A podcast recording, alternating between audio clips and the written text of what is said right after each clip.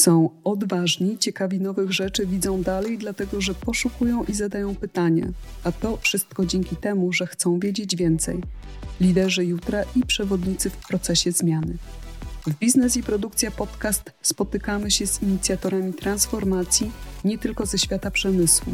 Językiem biznesu opowiadamy o technologiach, które w praktyczny sposób wpływają na rozwój i usprawnianie procesów. Jesteśmy bliżej przemysłu przyszłości i blisko ludzi, którzy tę przyszłość kreują. Jeśli pracujesz w przemyśle, zarządzasz firmą produkcyjną i czujesz, że jako lider masz wiele pytań, od czego zacząć innowacje, to Biznes i Produkcja Podcast tworzymy właśnie dla Ciebie. Zapraszam, Renata Poreda. Moim pierwszym gościem e, jest Jarek Gracel, o którym dużo mogłabym e, mówić, bo wspólnie pracowaliśmy prawie 10 lat. Przyjęłam jednak taką tradycję, że każdy z moich gości będzie przedstawiał się sam. Cześć Jarku, witaj serdecznie. Jak przedstawisz się naszym słuchaczom? Dzień dobry Państwu. Jak przystało na inżyniera, to przedstawię się lakonicznie. Więc z wykształcenia jestem automatykiem i robotykiem po Akademii Górniczo-Hutniczej. W Astorze pracuję już 15 lat no i pracowałem w bardzo, bardzo różnych rolach, od ról technicznych inżynierskich przez role sprzedażowe, doradcze, później role menedżerskie.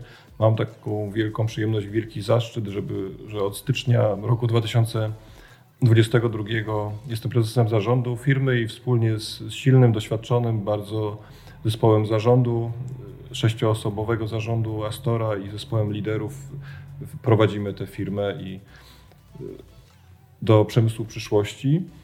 To, co chciałbym powiedzieć o sobie, to zawsze pasjonowała mnie taka jedna rzecz, którą, którą robimy w Astorze. My bardzo często łączymy świat inżynierów ze światem E, menedżerów światem biznesu, ponieważ to są zupełnie różne światy, rozmawiają różnymi językami, mają różne potrzeby, różne charaktery, więc staramy się od zawsze e, porozumiewać jednych z drugimi, no i dzięki temu też e, rozwijać firmę. I to jest bardzo dobra zapowiedź tego, o czym usłyszysz w naszym podcaście. W pierwszym odcinku Biznes i Produkcja Podcast sięgamy do źródeł i zastanawiamy się, czy polskie firmy przemysłowe zrozumiały ideę czwartej rewolucji przemysłowej. Bardzo się cieszę, że przyjąłeś zaproszenie do tego pierwszego odcinka, bo historia biznesu i produkcji zaczęła się od ciebie. Gdybyś opowiedział, jak to się stało. Ta historia, jak w zasadzie każda historia i każdy pomysł, on się nie bierze z głowy jednej osoby, tylko zazwyczaj powstaje w wiele głów i wiele osób, więc podobnie było z biznesem i produkcją. Pamiętam, to był przełom roku 2008 i 2009 i razem z Marcinem Legutkiem e, jechaliśmy wspólnie na spotkanie do klienta. To była duża fabryka, która produkowała, czy dalej produkuje drzwi, takie wewnętrzne do domów oraz, oraz panele. No i rozmawialiśmy tam o systemie zarządzania produkcją. I na koniec rozmowy, to była rozmowa z dyrektorem e, fabryki. Właśnie zapytaliśmy, ponieważ od 1994 roku wydajemy nasze pismo Biuletyn Automatyki. To już w sumie jest 100 numerów wydanych. To był kwartalnik i no, ponad tysiąc artykułów. No i to pismo też do tej fabryki wysyłaliśmy. No i zapytaliśmy tego dyrektora produkcji, czy czyta nasz biuletyn automatyki, ponieważ tam są bardzo ciekawe, ważne artykuły na te tematy, na które rozmawiamy. On mówi, ja takich rzeczy nie czytam, bo, bo biuletyn automatyki dostaję to, ale to od razu daję automatyką i to nie jest dla mnie.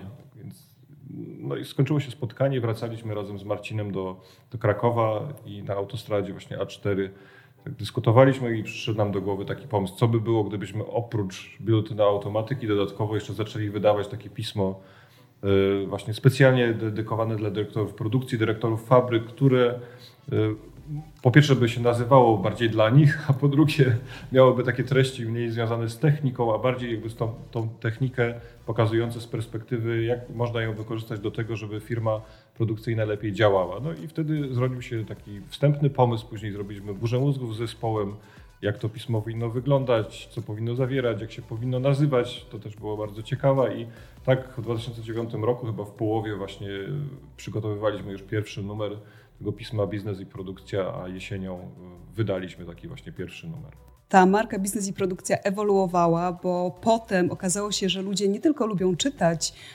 o takich kwestiach jak zarządzać, kwestiach miękkich, też o historiach sukcesu, ale ludzie też chcieli spotykać się i rozmawiać na żywo. I powstała kolejny format biznesu i produkcji.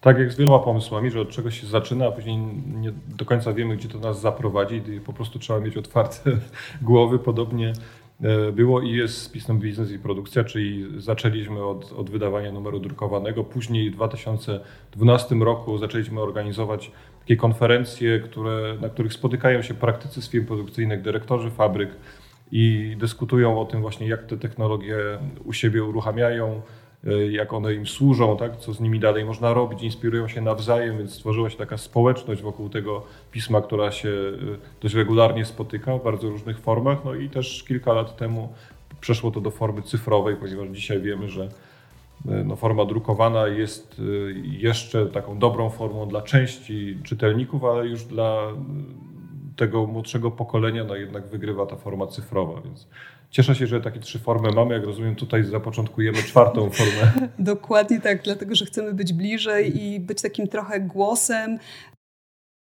który zbiera potrzeby właśnie kadry zarządzającej i ludzi, którzy pracują w przemyśle i w nowych technologiach, bo tak jak wspomniałeś, że cyfrowa e, cyfryzacja dotknęła e, drukowane pismo, biznes i produkcja, tak cyfrowe technologie e, no, na co dzień są wprowadzane też w fabrykach. Tak? I myślę sobie, że płynnie możemy przejść do tematu, właściwego tematu tego podcastu, o czym mówimy i piszemy e, już od kilku lat, e, o czwartej rewolucji przemysłowej. Zastanawialiśmy się ostatnio, czy polskie firmy w ogóle, polski przemysł w ogóle zrozumiał ideę czwartej rewolucji przemysłowej. Jakbyś na bazie swoich doświadczeń i obserwacji opowiedział, jak to wygląda. Zacząłem swoją pracę, to było dwa lata przed tym dużym kryzysem finansowym roku 2008-2009 i bardzo wiele fabryk wizytowałem wtedy, bardzo wiele rozmów na temat właśnie oprogramowania, szczególnie przemysłowego, odbywaliśmy i to, co wtedy się wydarzyło, jeżeli chodzi o rok 2008-2009, to ten kryzys y, wtedy spowodował y, bardzo silne zatrzymanie inwestycji w nowe moce produkcyjne a bardzo mocno spowodował, y, że fabryki zaczęły zwracać uwagę na koszty i y, szeroko pojętą efektywność, czyli potrzebowały takich narzędzi, które by im pomagały znaleźć miejsca, w których można po pierwsze coś zaoszczędzić na produkcji, na przykład na materiałach, na surowcach, zaoszczędzić czas albo jeszcze więcej wyprodukować na maszynach, które miały, ale nie miały pieniędzy na nowe maszyny. Tak? I w takich y, inwestycjach właśnie bardzo mocno pomaga, pomagało wtedy oprogramowanie, które pomaga monitorować koszty i też dodatkowo są to na przykład koszty energii. I bardzo podobna rzecz dzieje się aktualnie. Y, to znaczy tak, po pierwsze pandemia spowodowała bardzo duży niedobór ludzi do, do pracy i też takie zakłócenia w łańcuchach dostaw. Po drugie teraz mamy kryzys i wojnę za naszą wschodnią granicą, która też powoduje, że po pierwsze zaczyna nam brakować surowców, bardzo mocno rosną koszty, nawet skokowo rosną i mogą rosnąć koszty energii e, w fabrykach. I dodatkowo mamy jeszcze większe zakłócenia w łańcuchach dostaw i to na poziomie takim zarówno, bo to jest taki już miks e, z jednej strony pandemii, która nie wszędzie na świecie się skończyła, w niektórych miejscach, e, na przykład w Chinach teraz mamy kolejne wybuchy zachorowań a z drugiej strony mamy właśnie kryzys spowodowany wojną. No i to powoduje, że przedsiębiorcy muszą po pierwsze znowu zwrócić uwagę na koszty, koszty energii, surowców i mieć narzędzia do tego, żeby tymi kosztami zarządzać, po drugie muszą dużo bardziej zwracać uwagę na łańcuch dostaw, i żeby być w stanie zapewnić materiały do produkcji. A po trzecie dzieje się też taka rzecz, że przez te ostatnie 15 lat bardzo mocno skurczyła się liczba osób, które są w stanie czy mogą pracować w produkcji. I to było widać szczególnie jakieś już od 5, 5 lat temu gdzie bardzo mocno zwiększało się zapotrzebowanie na robotyzację, więc to jest taki dodatkowy czynnik, którego nie było w 2008 roku, bo wtedy miał kto pracować, a teraz nie ma kto pracować, więc zarówno e, robotyzacja i automatyzacja takich procesów produkcyjnych jest bardzo mocno potrzebna, żeby w ogóle firmy były w stanie produkować, jak i narzędzia, które pozwalają patrzeć na koszty. E, kryzysy to jest jedna, jeden z motywatorów zmian technologicznych, tak? ale jakby zmiany technologiczne to jest proces. Kiedy tak, e, był taki wyraźny moment, e, że nastąpiła zmiana w podejściu polskich przedsiębiorców do nowych technologii, zwłaszcza w kontekście przemysłu 4.0? Idea przemysłu 4.0 powstała, wyszła na świat najpierw w 2011 roku, tak bardzo dyskretnie, później już mocno w 2014 roku. I w 2015 i 2016 zaczęliśmy ją mocno w Polsce promować, więc możemy powiedzieć, że pierwsza fala takiego zainteresowania to były lata 2017-2018 i wtedy rzeczywiście robiły to firmy głównie wizjonerskie, czyli takie firmy, które e, wiedziały już, że trzeba jakby patrzeć strategicznie, trzeba patrzeć mocno do przodu i e, powiedzmy, że to jest jeden promil firm ze wszystkich firm produkcyjnych. Więc to były firmy, które chciały. Później nastąpił taki delikatny przestój przez około 2-3 lata, no i widzimy od zeszłego roku znowu gigantyczne zainteresowanie przemysłem 4.0, samą ideą, pracą nad strategiami 4.0, mapami drogowymi i to jest wywoływane na pewno przez kolejny kryzys związany z pandemią, jako takie zakłócenie na rynku.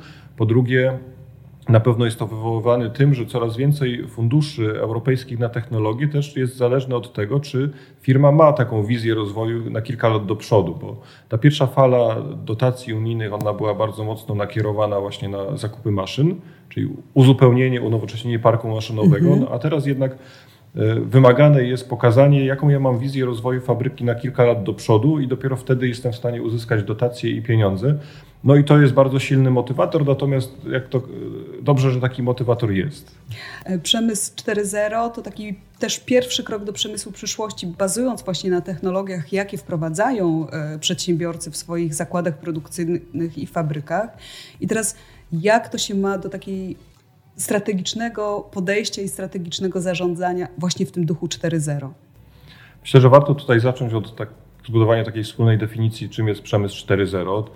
My bardzo dużo uczyliśmy się na ten temat i też rozmawialiśmy z przedsiębiorcami, więc ta nasza definicja też ewoluowała, więc pierwszej może nie chciałbym mówić, ale powiem, jaką mamy ostatnią definicję przemysłu 4.0, więc na pewno w takiej najprostszej formie można powiedzieć, że przemysł 4.0 jest wtedy, jeżeli potrafimy zwinnie wyprodukować spersonalizowany produkt, który klient może kupić w przystępnej cenie. Więc to najprościej, jak, najprościej mówiąc, to jest właśnie przemysł 4.0. Zwinnie i tanio nie wiem, czy tanio to jest dobre słowo, bardziej użyłbym słowa właśnie w przystępnej cenie, czyli w cenie, którą klient dane, na dany produkt czy na daną kategorię jest w stanie zaakceptować po prostu. I co, co znaczy przystępna cena? No, wcześniej takie produkty zindywidualizowane, one bardzo mocno były w kategorii luksusowych, więc to jest trochę takie sprowadzenie tego, co było kiedyś luksusowe i dostępne tylko dla wybranych, do poziomu takiej powszechnej dostępności i możliwości właśnie personalizacji dla mas. Nawet chyba w marketingu funkcjonuje takie pojęcie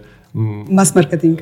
Czy masowej indywidualizacji, tak? czy, czy nawet masowej ekskluzywności, która się nazywa mass exclusivity, ale to może temat na na, na inny na podcast. Podca na inny podcast i jakby trochę w innej dziedzinie. To znaczy, że e, tanio nie znaczy dobrze, że warto jednak jakąś tam cenę e, zapłacić za e, produkt taki, jaki chcesz otrzymać. Myślę, że tak. No, nawet z początku przemysłu 4.0 pamiętamy ideę takich bardzo mocno futurystycznych butów, tak, które były drukowane w dużej części z druku 3D, no, albo butów, które same potrafią się wiązać jako taki produkt bardzo, bardzo mocno spersonalizowany, który wiąże się tylko jakby do poziomu naszej, naszej stopy, już nie bardziej, ma sobie bardzo dużo elektroniki, tak, i y, no to, to były początki, natomiast później to szło w kierunku takiej coraz większej praktyczności, więc jak tą prostą definicję, no to już powiedziałem, natomiast z perspektywy fabryki Trzeba zwrócić uwagę też, żeby było łatwiej zapamiętać to na cztery takie główne aspekty. Po pierwsze, ten przemysł 4.0 dzieje się wtedy, jeżeli potrafimy skutecznie e, wdrożyć w fabryce innowacyjne technologie z koła przemysłu 4.0 i zintegrować je ze sobą, po to, żeby one właśnie dawały większą wartość. Po drugie, jeżeli potrafimy spojrzeć w taki nowy sposób na nasz łańcuch wartości, łańcuch dostaw i model biznesowy. Po trzecie, bardzo ważne jest, żeby też inaczej spojrzeć na to, jak stawiamy cele i jakie mamy wskaźniki e, KPI, takie kluczowe wskaźniki oceny wydajności, efektywności fabryki. I tutaj też wymagane jest tak inne podejście, powiedziałbym, że bardziej cierpliwe, nastawione na długofalowe działanie. No i po czwarte, i nie najmniej ważne, nawet powiedziałbym, że najważniejsze w długim horyzoncie czasu, to jest spojrzenie na kompetencje, zarówno kompetencje menedżerów i liderów w fabrykach, kompetencje inżynierów, którzy nam pomagają te technologie uruchamiać, i po trzecie na kompetencje operatorów, takich ludzi, którzy pracują z tymi technologiami, pracują na produkcji, bo oni są kluczowi na końcu, żeby ta zmiana się udała i dała efekty. I właśnie na ludziach e, chciałabym się na chwilę e, zatrzymać, dlatego że czwarta rewolucja przemysłowa ma właśnie bardzo wyraźnie zaznaczoną tą ludzką twarz i e, powiedz, jak w kontekście czwartej rewolucji przemysłowej rozwijać ludzi, jakimi wartościami się kierować, żeby technologie służyły właśnie ludziom, a nie były takie technologie dla technologii. Myślę, że tutaj nic nowego nie powiem, natomiast kluczowe jest w kontekście nowych technologii to, żeby wszystkich ludzi, których ma dotykać ta zmiana od samego początku zaangażować w jej tworzenie, kreowanie, pracę nad wizją, mówienie, budowanie sensu, po co to robimy. Myślę, że możemy już powoli żegnać się z tym mitem, że roboty zabierają ludziom pracę i akurat z tego się bardzo cieszę, bo to była praca bardzo wielu osób w Polsce i w tym też w Astorze przez ostatnie 10 lat żebyśmy mogli śmiało, tak, żebyśmy śmiało mogli powiedzieć dzisiaj, że robot tak naprawdę nie zabiera ludziom pracy, tylko robot ma wykonywać pracę, która dla ludzi jest ciężka, jest monotonna i to jest y, główny sens robotyzacji. A drugi akurat wielki plus to jest taki aspekt, że po prostu ludzi do pracy nie ma, więc to powoduje, że żeby być w stanie wyprodukować, to musimy mieć technologię, musimy mieć roboty, czy musimy mieć automaty, bo inaczej fabryka nie byłaby w stanie pracować. A czego oczekują ludzie, e, jakby w, pracując przy nowych technologiach i pracując w takich mocno technologicznych środowiskach? E, co dla nich jest ważne? Przychodzisz do e, takiej firmy czy fabryki, gdzie w zasadzie jest dużo robotów, są automaty, wdrażamy nowe technologie, cyfryzację, automatyzację. I po pierwsze, co jest ważne dla ludzi i Myślę, że dla pracowników to bardzo ważna jest szczególnie na produkcji pewna stabilizacja, czyli powiedzenie, że będziemy wdrażać tutaj roboty, będziemy uruchamiać roboty, ale z tego powodu nikt nie straci pracy, bo to nie jest cel. Nie jest celem redukcja etatu, tylko celem jest zrobienie firmy bardziej konkurencyjnej. Znaczy, to jest pierwsze takie fundamentalne, a później bardzo ważne jest, żeby ludzie y, dostali szkolenia, znaczy wiedzieli, co to jest ten robot, co on tu będzie robił, tak? jak ja mogę z nim współpracować, jak ja go mam obsługiwać, co ja mogę zrobić, co mam zrobić, jak on się zatrzyma, jak się zepsuje tak? i jak się mam wtedy zachować. Nawet y, mamy takie przykłady, że operatorzy maszyn przychodzili na szkolenie z robotyki no i potrafią po pierwsze robota trochę zaserwisować, a po drugie nawet niektórzy potrafią te roboty przeprogramować, jeżeli jest taka potrzeba, więc to jest już taki najwyższy poziom rozwoju operatora. Także myślę, że jest takie oczekiwanie, po pierwsze, żeby mieć stabilizację w głowie, że on, tak, a po drugie, żeby wiedzieć, co z tym robotem robić. No i trzeci poziom, myślę, że taki najwyższy, to jest y, y, w kontekście do finansów i wynagrodzenia, że jeżeli my potrafimy pracować z tymi technologiami i dzięki temu fabryka zarabia więcej, to ta fabryka potrafi się z nami podzielić korzyściami i owocami, które zostały wypracowane. Myślę, że to jest nie najważniejsze dla ludzi, ale też może powodować, że oni tak zaczną się z firmą utożsamiać długoterminowo i to się stanie dla nich bardzo dobre miejsce pracy na dłużej. Bo to w zasadzie można byłoby sprowadzić do tego, że nowe technologie dają rozwój. Nie, nie zabierają miejsc z pracy, ale dają rozwój i to też w takim e, aspekcie czysto ludzkim, bo ludzie chcą się rozwijać. Tak, myślę, że to jest taki aspekt, który jest e, dość często pomijamy, my, e, pomijany, My go poruszyliśmy w white paperze Finanse 4.0. Tam jest więcej aspektów dotyczących finansów, ale jednym z nich właśnie jest to, żeby w sytuacji, gdy firma zarabia i ma korzyści, ma rentowność i zwrot na inwestycji w nowoczesne technologie, to żeby na końcu też potrafiła się tym podzielić z ludźmi. Nawet może być, być forma y, dania im dodatkowych szkoleń czy motywacji do, do rozwoju właśnie w taki sposób y, wynikający z tego, że są korzyści z inwestycji. W kontekście rozwoju ludzi i rozwoju technologii w, takim, w takiej harmonii, to mam takie właśnie jedno marzenie, żeby za 10 lat w Polsce taką pracę ciężką, powtarzalną, monotonną właśnie wykonywały automaty i roboty. Pracę, w której trzeba zaangażować bardzo duże moce obliczeniowe, analizować wielkie zbiory danych, często takie pokazać rekomendacje bazujące na bardzo wielu kryteriach, na przykład y, są, są takie problemy w produkcji czy w łańcuchu dostaw, to żeby były wykonywane przez sztuczną inteligencję i przez systemy takie zaawansowanej analityki, a takie prace, których wymagana jest właśnie kreatywność, y, dyskusja, praca zespołowa tak? i współtworzenie czegoś, wymyślanie jak strategii rozwoju, y, żeby były prowadzone przez ludzką inteligencję. I myślę, że to, to by było takie bardzo fajne połączenie tego, do czego potrzebne są technologie i gdzie może być wykorzystana jednak ta i sztuczna, i ludzka inteligencja, i mam takie przekonanie, że to wszystko może ze sobą współgrać. To, żeby to marzenie się spełniło, na jakie technologie już dzisiaj powinni zwrócić uwagę e, zarządzający, dyrektorzy fabryk, e, pracujący e, z ludźmi na liniach produkcyjnych?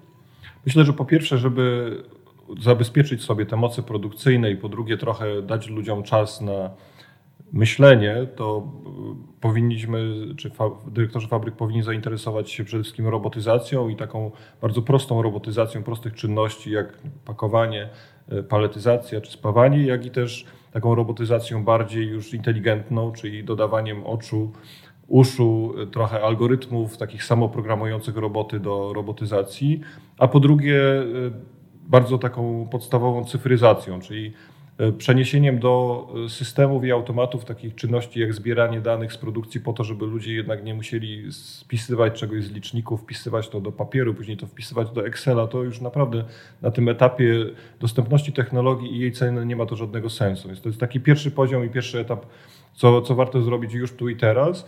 A w długim horyzoncie, no to zdecydowanie warto po pierwsze zastanowić się, jak ta nasza fabryka i firma ma wyglądać w perspektywie pięciu lat do przodu. I to wymaga spotkania w gronie właśnie liderów, menedżerów w fabryce, zaangażowania tych mądrych głów, które mamy zazwyczaj do tego, żeby popracować i coś, coś tutaj wymyśleć. No i y, Tutaj mamy takie trzy grupy technologii, które warto wziąć pod uwagę. Po pierwsze są to cyfrowe bliźniaki, bo one wymagają właśnie zaangażowania zarówno ludzi takich doświadczonych, którzy mają wiedzę na temat tego, jak te procesy wyglądają, jak i automatyków, jak i też informatyków, tak, projektantów w to, żeby taki cyfrowy bliźniak powstał. Po drugie, warto na pewno zainteresować się technologią takiej bardzo zaawansowanej, już inteligentnej, autonomicznej robotyzacji i intralogistyki. A po trzecie, no, obszar sztucznej inteligencji jest takim obszarem, który już coraz bardziej też powiedzmy, że wchodzi pod strzechy, to znaczy są już bardzo praktyczne zastosowania w przemyśle, no i warto też, y, szczególnie w takich bardziej zaawansowanych fabrykach, które już mają te dane nie na papierze, tylko w systemach, warto na to zwrócić uwagę. Słowem podsumowania, coraz mniej boimy się nowych technologii, coraz lepiej rozumiemy e, ideę czwartej rewolucji przemysłowej. To co? To niech e, dzieje się dobrze i bądźmy e, bliżej przemysłu 4.0. Patrzmy w stronę przemysłu przyszłości, ale nie zapominajmy w tym wszystkim o tym, kto jest najważniejszy, czyli o ludziach. Zdecydowanie tak. Dzięki Jarku za to spotkanie, za tę rozmowę. Nie mogłam sobie wyobrazić lepszego rozpoczęcia e, naszego czwartego wymiaru spotkania z, z Wami, jak spotkanie z Jarkiem Gracelem, pomysłodawcą i pierwszym redaktorem naczelnym biznesu i produkcja. Bardzo dziękuję. Ja tutaj nie byłbym sobą, gdybym nie dodał, że jestem jednym z pomysłodawców, także dziękuję bardzo za rozmowę i mam nadzieję do usłyszenia. Do usłyszenia, do zobaczenia.